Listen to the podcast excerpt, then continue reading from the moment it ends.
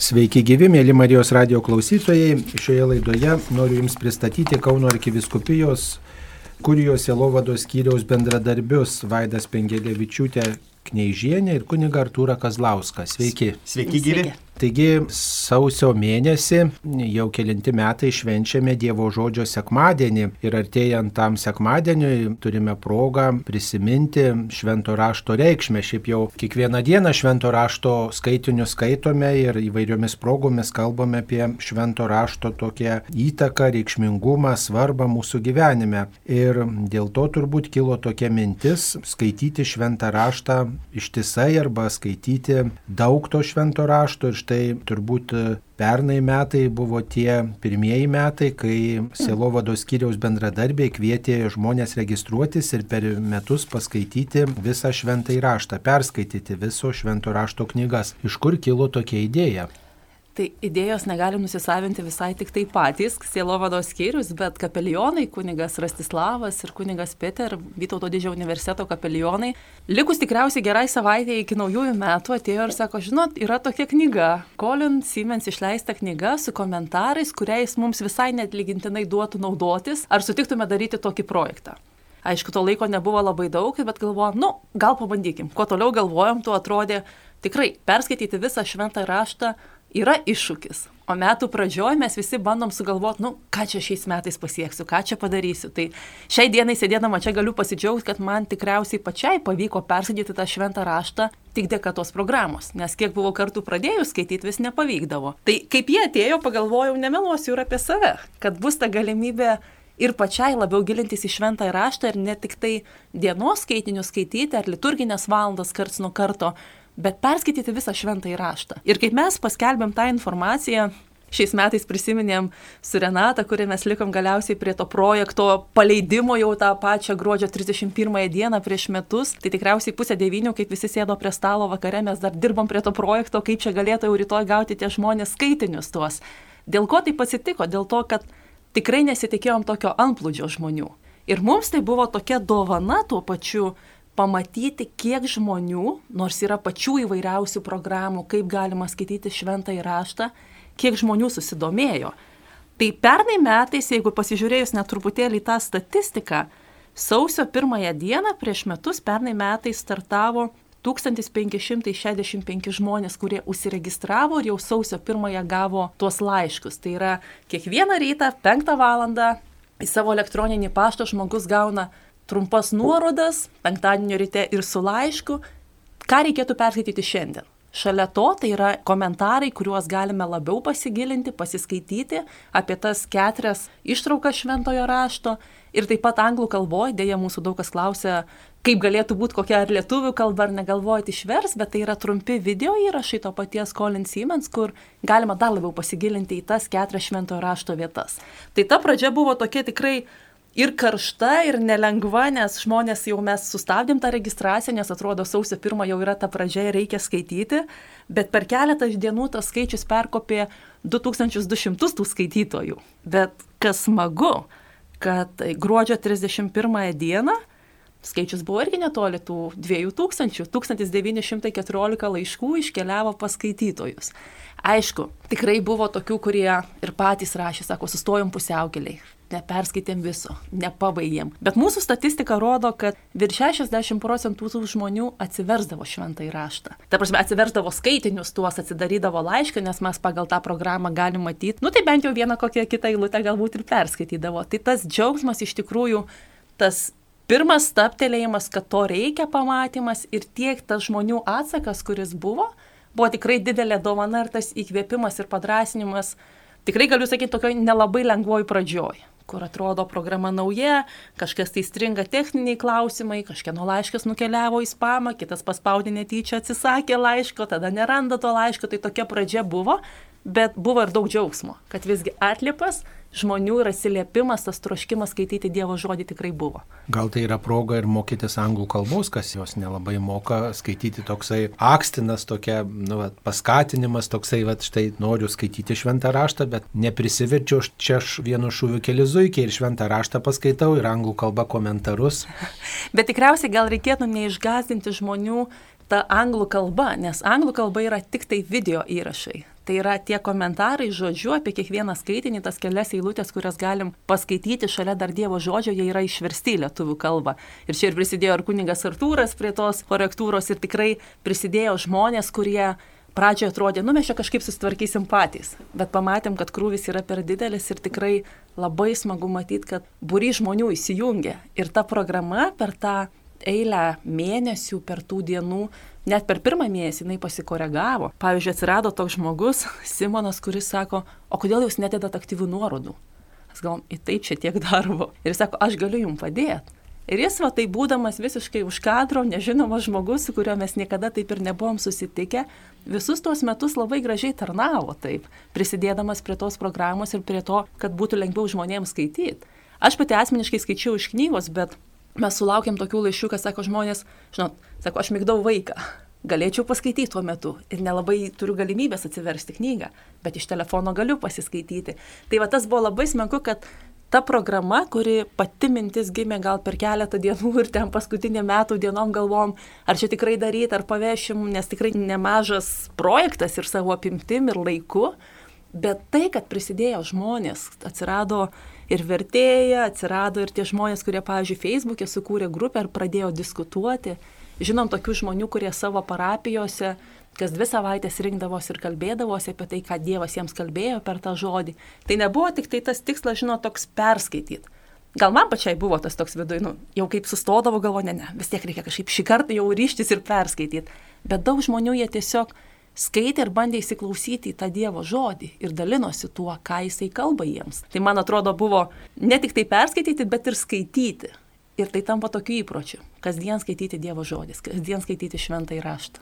Tai kunigė, kaip tai buvo pagal liturginį laikotarpį, ar čia tiesiog kažkokiu tokiu principu tos ištraukos parinktos?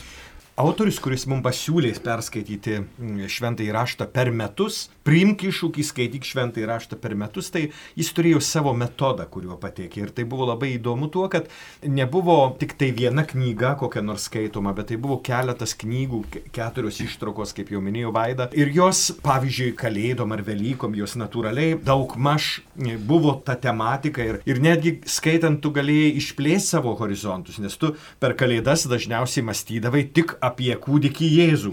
O čia reikėjo matyti ir pranašystės, ir istorinę, kurioje vyko visa tai.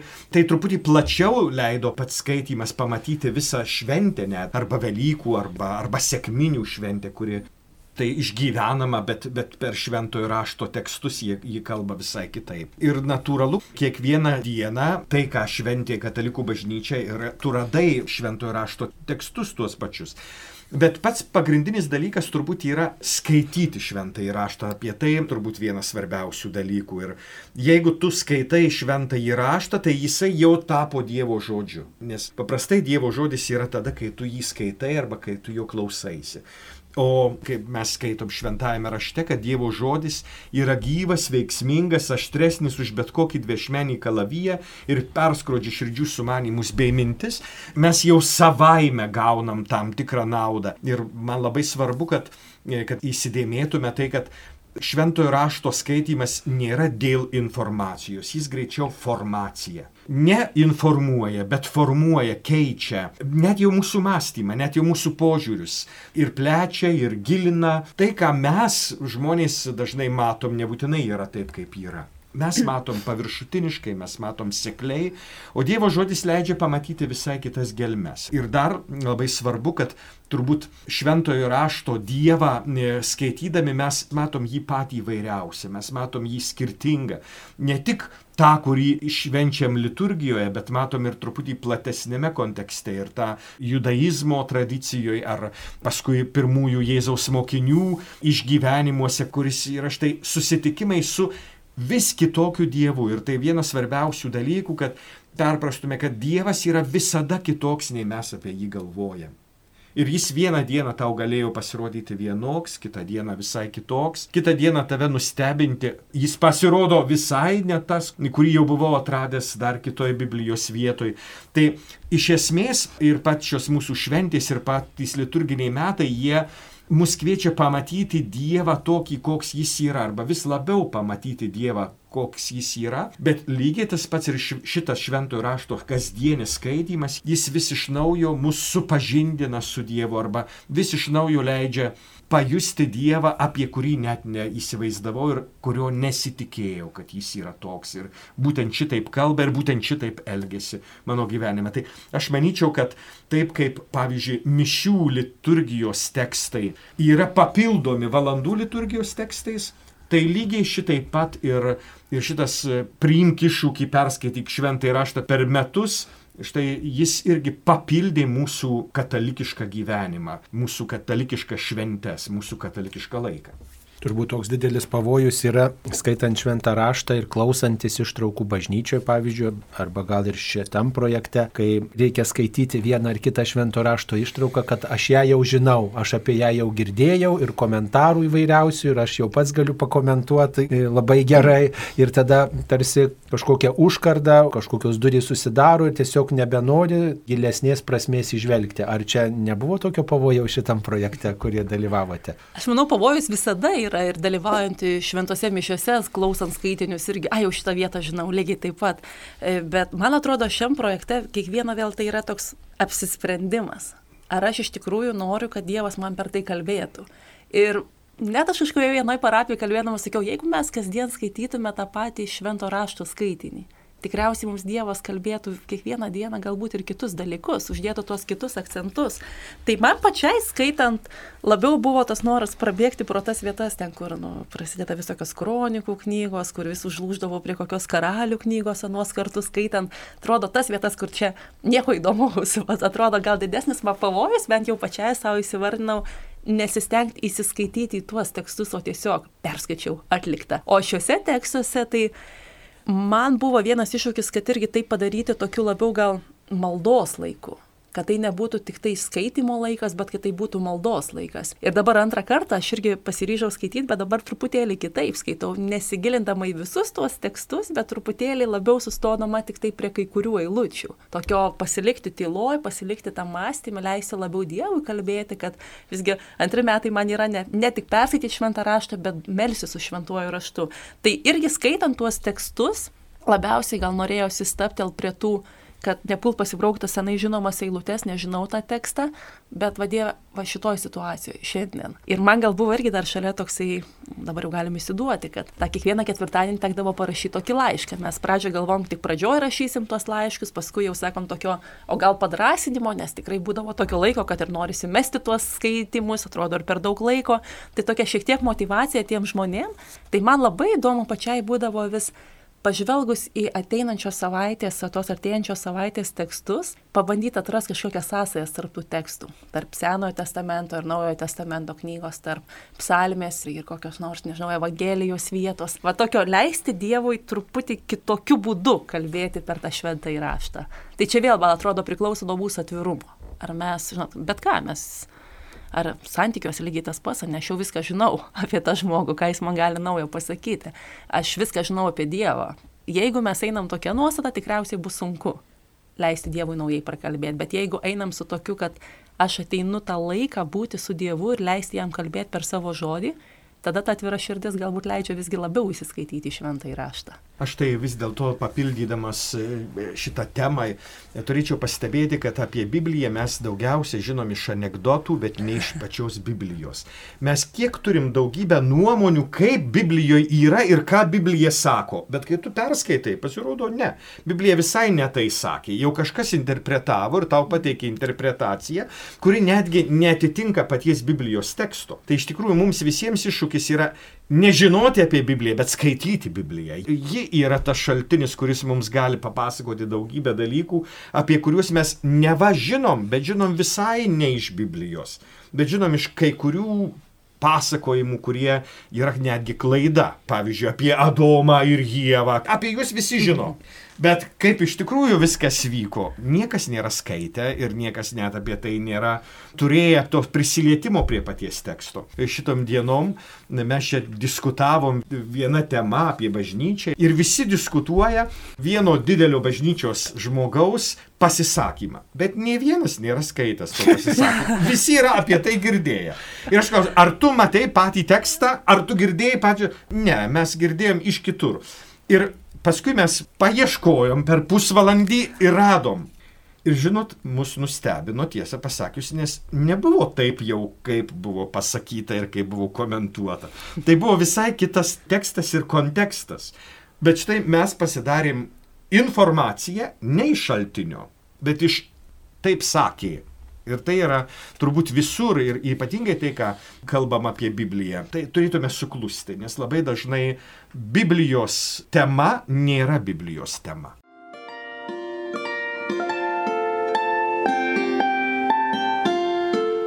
Jūs girdite Marijos radiją.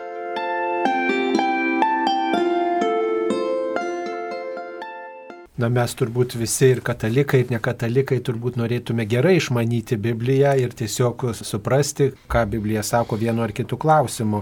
Tačiau kodėl žmonės, na, vat, pradeda ir nebeužbaigia Biblijos skaityti ir tiesiog sustoja ties Senų testamento arba net ir tos Evangelijos, atrodo, kartojasi ar dar kažką. Kodėl, vat, pristinga valios skaityti šventą raštą? Mes šiek tiek girdėdavom komentarus iš tų žmonių, nes tikrai labai buvo smagu, kad tas projektas jis tapo toksai aktyvus, žmonės rašydavo, klausdavo ir ta Facebook'e grupė, kuri susidarė, keldavo pačius įvairiausius klausimus ir sakydavo, kad mums nepaaiškina ir kaip reikia, kad kunigai tą darytų ir aiškintų šventą šventą įraštą. Bet vėl, žiūrint iš to, ką žmonės sako ir kas man pačiai būdavo, tai kai prieini prie tų visų chronologijų, tu nesupranti prasmės. Vienas, toks atrodo, ir tada tau tampa nuobodu. Kitas labai daug, ką žmonės rašė, tikrai to žiaurumo tokio Ir atrodo, sako, skaitai šventą raštą, tokių tekstų atrodo bažnyčioje neskaitom ir visi ten tas nužudytas, papjovėtas, tokie atrodo, sako, pradedi skaityti ir supranti, kad, nu, tai kaip Dievas toks gailestingas ir kodėl šiais tokie dalykai vyksta ir tada nesinori skaityti.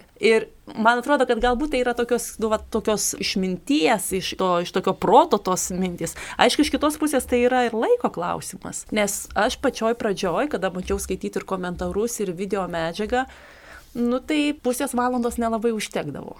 40 minučių kartais reikėdavo. Paskui atrodo jau įprato, jūs jau kai kurie sako, nu tai realiai toks nu, geras pusvalandis tam. Bet jeigu nori pasilikti ilgiau, tai kasdien yra truputį dar daugiau to laiko skirti tam. O praktiškai kuriuo paros laiku tą geriausia daryti, taip iš patirties? Mes sakėm žmonėm, už tai pradėjom jūs 5 val. ryto, nes pamatėm, kad kažkada užstrigo programa ir suvėlavo ir sako, jau prieš šešias Renatas sako, mes jau gaudavom klausimų. Kas atsitiko, negavom, ką mums šiandien skaityti. Tai matom, kad nemažai žmonių skaitydavo rytais.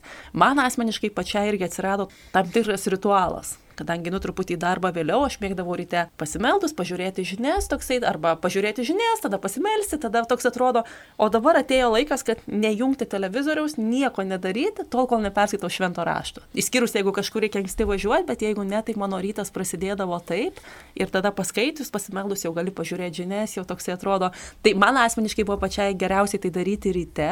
Ir kaip sakiau, buvo tikrai tokių dienų, kur atrodo užstrigdavo, išvažiuodavo į kažkur, tie patys šiluvos atlaidai, kur nelabai buvo laiko ten gilintis į šventą įraštą rytais. Tai tada teko taip, kad grįžus, pavyzdžiui, šeštadienio rytą ar sekmadienio rytą, prieš mišęs, pavyzdžiui, arba po mišių grįžus kokią pusantros valandos, būdavo ir tokių rytų, kur dvi valandas tiesiog imi ir skaitai tas knygas, kurias neperskaitai. Su kavos podeliu, kaip sakau, rytas su, su Dievu ir su tokiu Dievo žodžiu, va, perskaityti tiesiog. Tai man rytas yra lengviau tiesiog galvoti, apmastyti ir perskaityti. Būdavo, kad ir vakare skaitai, Vėl tai, ką girdėjome iš žmonių ir čia visai neseniai 15 minučių internetinėje svetainėje pasirodė Eglės Žemaitienės toks pasidalinimas, po kurio beje tikrai pajudėjo labai stipriai registracija žmonių ir ką mes pamatėm, kad registravo daug ir jaunesnių žmonių ir tokių, mes sakom, pasižiūrim sąrašą ir didžioji dalis atrodo nebažnytinių, aš tai net juokauju, tokių netų, kur nuolat registruodavosi kai kurios projektus.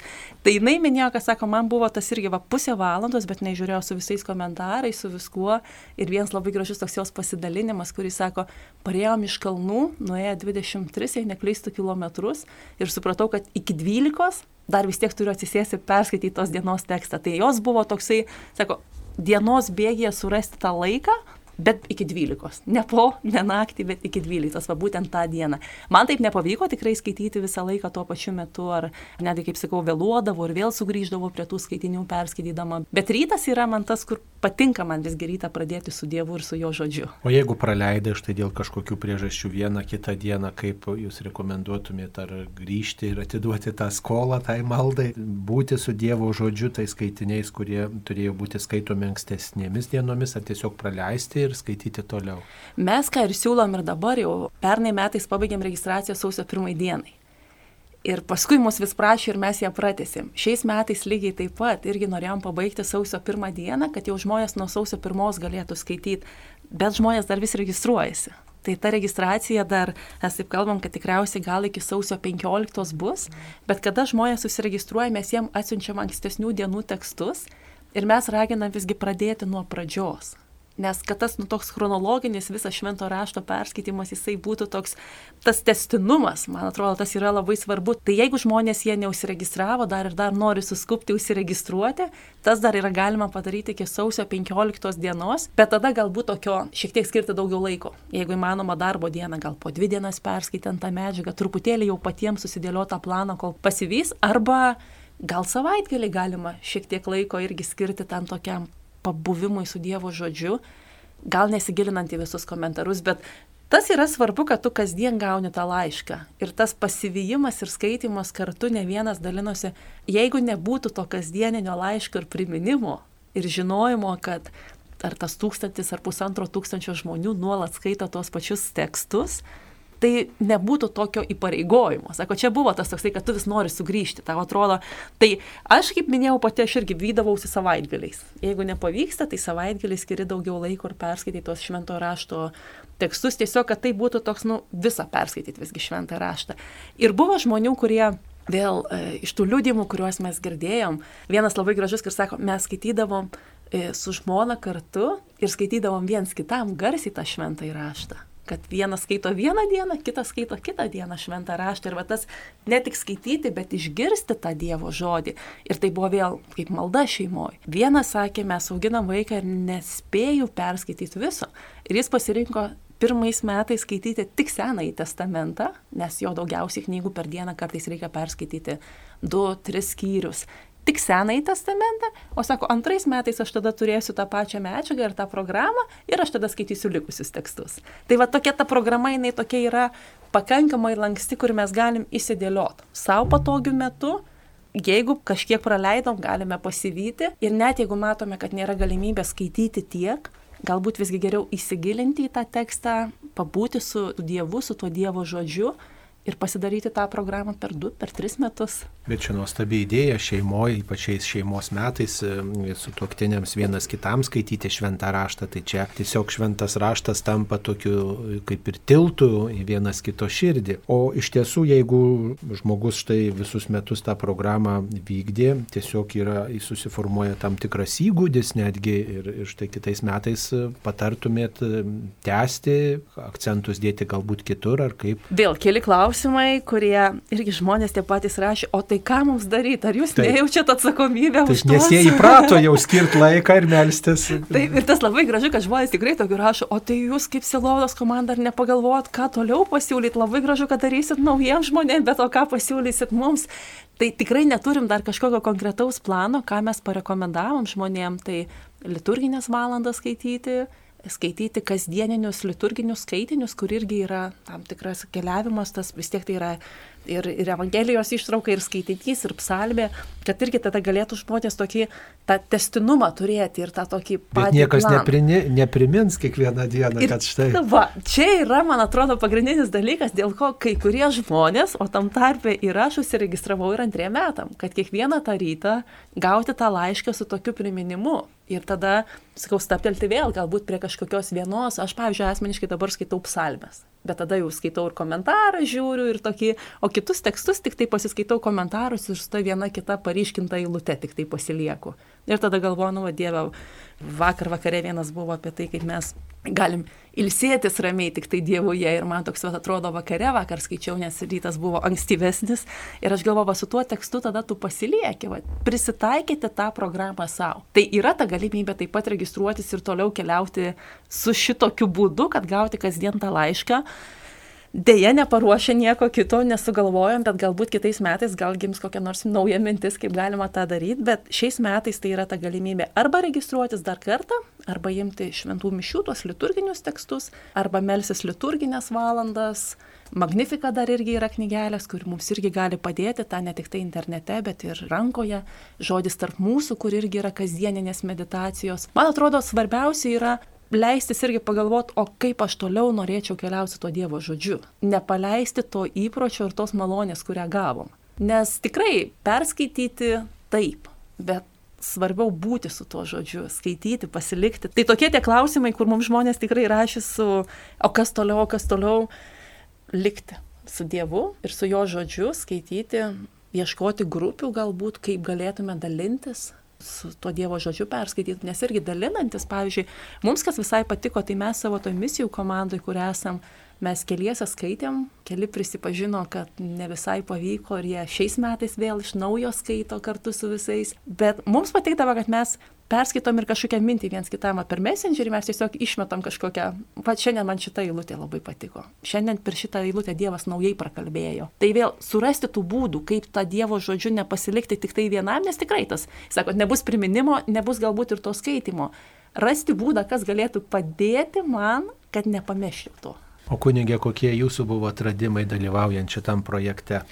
Iš tiesų aš turiu prisipažinti, kad dar nesiryžau skaityti šventojo rašto viso pilno. Esu perskaitęs Naująjį Testamentą kažkada ir man buvo nuobodu. Gal buvo per daug jaunas, o galbūt dėl to, kad tai ir yra, tai kaip yra. O Senojo Testamento dėje nesu perskaitęs. Vienas didžiausių atradimų, kurį aš gavau, tai dalyvaujant vienam seminare atsistojo viena moteris ir sako, o aš negaliu nepasidžiaugti, kad liko dvi savaitės ir aš būsiu perskaičiusi visą šventą įraštą. Ir jis spinduliuoja, jis spinduliuoja ne tik tai patirtim, bet iš tikrųjų, kad pavyko, kad, kad ji per visus metus vis dėlto buvo kartu su šventu įraštu ir tiesą pasakius, šito jo, jos liudyjimo dėka ir paskui dar mūsų komentavimo dėka, tie patys seminarų dalyviai, keli užsiregistravo čia pat. Tai man buvo va, tas, tas entuzijazmas žmonių ir aš iš tikrųjų pavydžiu žmonėms, kurie kurie ryžiausi šitam keliui. Mano pagrindinis uždavinys buvo korekcija arba re redagavimas komentarų vertimų. Tai aš prisiliečiau prie keletos eilučių, kurios buvo praktiškai visada buvo iš kiekvieno skaitimo bent po vieną eilutę komentuojama, kartais dvi, kartais nei vienos eilutės žiūrint koks tekstas. Tai mano šitie prisilietimai buvo komentavimo daugiau. Ir man iš tikrųjų buvo labai spūdinga, kad tuose komentaruose juose buvo ne tik teologo, bet ir taip pat žmogaus, kuris skaito ir grožinę literatūrą. Pavyzdžiui, kai kuriuose komentaruose, žiūrėkit, o ten Fauste yra štai šita mintis ir ji būtent paimta iš, iš Senojo testamento ar iš štai šitos vietos. Reiškia, tai tie patys komentarai, jie labai labai platus, jie gyvi ir jie, ir jie nesausi, jie duoda kultūrinį supratimą ir, ir, ir geografinį supratimą, ir tuo laiku papročius, ir lingvistinį hebrajų kalbą, žiūrėkit, ką reiškia čia ta šaknis, kuri yra. Tai aš žavėjausi to komentatoriaus iš tiesų ir erudicija, ir meilė šventajam raštui. Ir aišku, troškimu pasidalinti tuo, ką jis pats išgyvena, skaitydamas vieną ar kitą šventojo rašto tekstą. Aš pats asmeniškai gyvenu su šventojo raštu kasdien, natūraliai, nes esu homiletas, ne tik vadovauju liturgijai, bet net porą kartų per dieną man reikia būti ir homiletu, ir, ir dar tokiai bendruomeniai, kuri vadinasi pašvestųjų bendruomeniai, seserų koplyčioj, kuriuom bilia ką nepasakysi, kurios gyvena su šventu ir aš turiu, reiškia, aš turiu ruoštis. Man reikia pačiam skaityti, perskaityti, įsigilinti ir duoti trumpą kažkokį komentarą arba paskatinti kažkaip kitaip pamatyti šitą šventą įraštą. Tai mano gyvenimas yra neatsiejamas su Dievo žodžiu ir, tai, ir ne tik tai todėl, kad valandų liturgija yra visa padaryta iš šventojo rašto iš esmės ir, ir iš šventojo rašto kilusiom idėjom ar mintim, pavyzdžiui, mūsų maldos iš, iš tengi kilęs ar himnai iš šventojo rašto. Tai mano paties įspūdžiai aš labai iš tikrųjų džiaugiuosi mūsų misijų komanda, kuri ryžosi pasiūlyti šitą idėją. Ir tai iš tikrųjų didelis įvykis apskritai e, Lietuvos bažnyčios istorijoje pasiūlyti pagaliau perskaityti šventąjį raštą. Mes iki šiol turėjom pačių įvairiausių metodų ar būdų ar, ar programų, kaip skaityti šventąjį raštą, bet manau, kad e, šitas buvo vienas iš tokių daugiausiai palietusių žmonių, jeigu mes kalbam apie tūkstantį žmonių, kurie kasdien skaitė šventą įraštą Lietuvoje, tai manau, kad yra didelė, didelė minė, kuri iš tiesų, na, truputį kitaip pradėjo matyti ir daug ką gavo iš šito Dievo žodžio. Tai manyčiau, kad pernai metais, kai kažkas yra šito sveikinimų, kalėdinio sveikinimo ir naujametinio sveikinimo tekste yra įrašęs, tegul praėjusieji metai daugiau nesikartoja. Tai čia turbūt kalba apie pandemiją, apie įvairiausias nesėkmes, bet praėjusieji metai turėjo ne tik pandemiją ir ne tik bėdas, ne tik iššūkius ir ne tik krizės, bet štai ir šitą dovaną Dievo žodį lydinti kasdien. Ir jeigu sako, kad įprotis susiformuoja per 21 dieną, na tai čia turėjom tikrai susiformavusią tūkstantyje žmonių naują praktiką gyventi su Dievo žodžiu. Gal dar papildant kunigą Arturą, man atrodo, kai kurie irgi pasižiūrėjo, Colin Siemens, nu taip, mes to neslėpiam, jis yra protestantų pastorius, kuris studijavęs ir hebrajų kalbą, ir neklystų moka 11 kalbų ir pas tose komentaruose jisai cituoja ir hebrajiškai ir tikrai galim išgirsti tą originaliai skambačius kai kuriuos žodžius ar įsireiškimus. Bet čia dar buvo tas klausimas irgi, kur prisidėjo tie patys broliai redemptoristai, tai paruošti tą antrojo kanono knygas, nes jų nebuvo tose komentaruose. Ir kai kurie mums irgi nuo pat pradžių sako, tai jeigu jūs remetės protestantišką medžiagą, kaip jūs susitvarkysit su šitu klausimu. Tai tikrai visos knygos yra įtrauktos. Ir nuo antro pusmečio, kada baigiam skaityti psalmės, yra skaitomos tos antrojo kanono knygos, kur irgi taip pat yra paruoštos su komentarais. Tai man atrodo, irgi tai buvo ta programa, jinai truputį adaptuota ir pritaikyta prie mūsų visų. Ir ta, tas pats irgi Kolino, kad jisai yra buvęs ir Lietuvoje buvo ir šiek tiek ir mus pažįsta, tai atrodo, va, tas Artūro indėlis jisai dar buvo čia šiek tiek irgi pažiūrėti to, ar tikrai neprasilenkiam kažkur su katalikišku mokymu. To mes tikrai nedigėm, bet sako kažkas, kodėl jūs paėmėte šią programą, kodėl ne jokią kitą. Aš nepačiau tokios va, gerai taip paruoštos su komentarais, su video medžiaga jokios katalikiškos programos. Dėl to mes ir pasiremėm ir iš kitos pusės tai, kad Kolinas tikrai labai gerbė ir myli katalikus ir mes jau ilgą laiką bendradarbiaujam ir kaip minėjau, jisai buvęs ir Lietuvoje ir pats studijavęs ir žino daug kalbų, tai tas irgi buvo argumentas, kad paimti tą medžiagą žmogaus, kuriuo pasitikim irgi kaip žmogum ir jo, jo studijomis, jo tą galimybę, kurią jisai turėjo. Tai irgi tai atrodo, ta medžiaga jinai buvo papildyta, ir, kaip minėjau, papildyti ar tom aktyviom nuorodom, ir Facebook'o grupė atsiradusią. Ir šiais metais netgi planuojam, bijau prisišnekėti čia sėdėdama, bet šiais metais planuojam dar papildyti, ką pernai padarėm, sukūrėm tokį internetinį puslapį, kur tie žmonės, kurie jau šiek tiek vėliau įsijungia, kad jie galėtų irgi rasti visą medžiagą. Ir ten Dievui leidus ir tiem žmonėm, kurie savanoriškai jungiasi, galbūt nuo vasario medžiagos atsiras ir tie angliškų video medžiagos lietuviški vertimai tekste, kur žmonės taip pat galės gilintis. Tai toks irgi atrodo, matant, kiek tų žmonių registruojasi ir dabar, jeigu naujųjų metų išvakarėse iškeliavo 635 laiškai, tai va jau sausio ketvirtąją dieną 1153 ir mes matom, kad tas skaičius dar vis po truputėlį auga, kas kelias valandas vis atsidarai ir vis supranti, kad reikia vėl persius keliam žmonėm. Tai tas parodo, kad žmonės jie ieško tų būdų, kaip skaityti šventą įraštą. Ir gal tas iššūkis metam, jis taip pradžiai labai drąsiai nuskambėjo, bet, kaip minėjau, yra labai smagu pamatyti, kokie skirtingi tie žmonės. Amžiaus kategorijom tikrai yra labai daug ir jaunesnių žmonių, ir tos vidurinės kartos, tokios, kaip sakau, mūsų amžiaus 40, 50, 30, 40 metų amžiaus, tokių žmonių taip pat yra nemažai, kurie įsipareigoja skaityti. Tai tikrai toks padrasinimas ir noras, kad ta programa būtų dar labiau pritaikyta, kad labiau kalbėtų žmonėm ir ieškoti tų būdų, kaip galėtų pasiekti tuos, kurie ieško būdo, kaip tą padaryti. Tai galima sakyti, kad šitas projektas toks ekumeninis projektas, jeigu mes e, štai pasinaudojam kai kurių protestantų gerai parengtą medžiagą ir taip pat e, įtraukiam ir tai, kas mums aktualu katalikams, tai tiesiog pasiūlom kuo įvairesnei auditorijai ir naudojamės tiesiog visų krikščionių maldos ir, ir tarnystės vaisiais, ar ne?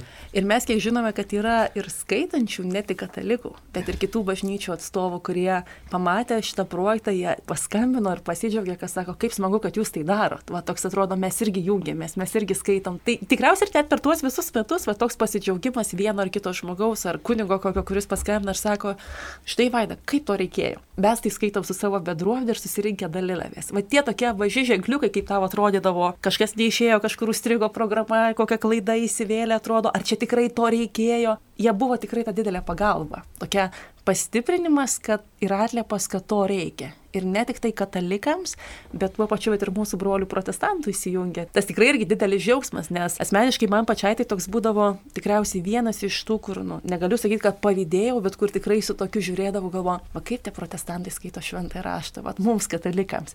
Aiškiai, paskui po kurio laiko pamačiau truputį, ką šita programa padėjo supras, kad jie irgi labai gerai varto, kaip pasakau, kai kurias eilutes. Bet tu, kai pažiūri tą platesnį kontekstą, pavyzdžiui, vėl šitos programos dėka man leido Dievas pažinti tą jo žodį truputėlį platesniam kontekste. Sakau, ir Senojo testamento kontekste, ir Naujojo, bet ne tai, kad išmoktas kelias eilutes, kurias ten pacituoji, žinodama mintinai per kokį mokymą, bet matyti tą kontekstą skaityti komentarus ir net, pavyzdžiui, kai buvo laikas, kai buvo sunkiau skaityti komentarus, aš skaičiau tuos komentarus, kurie yra šventajam rašte puslapio apačioje surašyta paaiškinimas kažkokio žodžio arba įvadas į knygą šventajam rašte, kur yra irgi, kad truputį pakabinti šiek tiek plačiau tame kontekste. Tai man atrodo irgi tai ir ekumeninis projektas, bet ir tas padrasimas ir tokio bendro darbo dėka, sakau, man atrodo, kad visai įmanoma surasti tų bendradarbiavimo vietų ir ypatingai per šventą įraštą. Bet labai gražu buvo, kad sakau, kad ir, ir jie sugebėjo pasidžiaugti, tie mūsų broliai protestantai, kad, kad va, katalikai tai daro. Tai jeigu dar norėtų žmonės užsiregistruoti ir dalyvauti šitam projekte ir per visus metus perskaityti šventą įraštą, tegul ir ne nuo sausio pirmosios, ką reikėtų paspausti, kokiu elektroniniu paštu parašyti ir, ir kokius duomenis atsiųsti ir panašiai. Iki sausio 15 dienos galima registruotis Kauno arkiviskupijos puslapyje, yra įdėta nuoroda, iššūkis per metus perskaityk šventą įraštą ir ten yra tokia aktyvi registracijos anketa, kurią reikėtų užpildyti. Ir labai prašom tikrai pažiūrėti, ar teisingai užpildot visą, visą informaciją apie elektroninį savo adresą, nes tikrai tokių būna ir Lemail vietoj Gmail ir kitur, kur paskui bandom atpažinti, kokia čia pavardė buvo, ar tokia, ar tokia. Ir kai kurie žmonės negavo tų laiškų, nors buvo įsiregistravę tiesiog, kad mums nepavyko atspėti pavardės, pavyzdžiui, ar kažkokio taškelio ne vieto uždėto.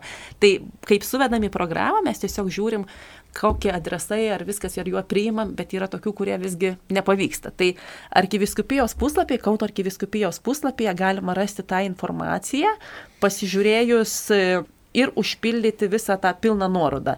Jeigu įsivestumėt per internetą, per Google kokią paiešką, tai reikėtų rašyti, perskaityk šventai raštą per metus arba Dievo žodžio iššūkis kaunarkiviskupija.lt. Tai Ten galima rasti tą aktyvę anketą. Mes prašom vardo pavardės amžiaus tiesiog dėl įdomumo pasirinkti tam tikrą kategoriją, bet svarbiausia, jūs galite rašyti, ką norit prie vardo ar pavardės ar amžiaus, bet elektroninio pašto adresas yra svarbiausia, kad laiškai jūs pasiektų. Kruopščiai užpildyti elektroninio adreso eilutę. Taigi apibendrindami šitą laidą dar kartą pasakykime, kodėl verta skaityti šventą įraštą, na taip metodiškai kiekvieną dieną ir, ir per visus metus ir ką tai duoda, kokie tai vaisiai gali būti. Kodėl verta kasdien skaityti, tai skaityti tą meilės laišką paliktą mums, ir labiau pažinti Dievą. Man švento Jeronimo tie žodžiai, nepažinti švento rašto reiškia nepažinti Kristaus. Tai yra, jeigu mes norim artėti tame santykėje su Dievu, Dievo žodis, tas laiškas mums yra tai, kas gali mums padėti. Pratesdamas šventą Jeronimą, iš tikrųjų vaidą šiuo atveju, tai aš sakyčiau, kad jeigu pats svarbiausias asmuo krikščionio gyvenime yra Kristus, tai natūralu, kad štai šitas jo istorija ir yra vienas svarbiausių dalykų. Mes su jaunimu vienus metus skaitėm šventą įraštą bandydami Senajame testamente surasti Kristaus pėtsakus arba Kristaus veidą arba Kristaus buvimą. Ir tai buvo labai įdomu, aišku, jaunimas paskui įprato tai matyti ir, ir kaip pamatyti Senajame testamente Kristaus buvimą, pavyzdžiui. Jis ten yra, jis ten buvo, yra ir visą laiką bus. Tai iš tikrųjų šventasis raštas tai pokalbis su Dievu, klausymasis jo, girdėjimas jo, leidimas jam kalbėti. Ir be abejo, kaip, kaip sakytų paskui pats šventasis raštas, jis jau savaime, kaip lietus ar sniegas iškrinta iš dangaus ir ten nebegrįžta bergždžias, taip žodis išeinas iš mano burnos, nebus bergždžias. Kokius vaisius tai duos, štai šitas žodis pasėtas mūsų širdyse, mes nežinom. Nei tas, kurio širdį pasėjo, nei mes, kurie matome bekrintančią žodžio sėklą, bet kad vaisių duos tikrai.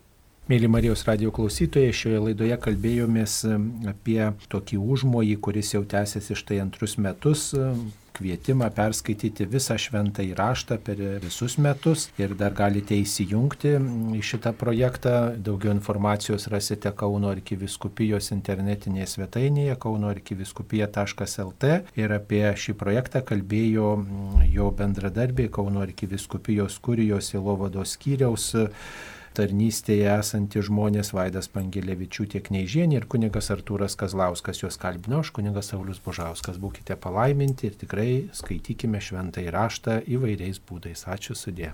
Sudėjau.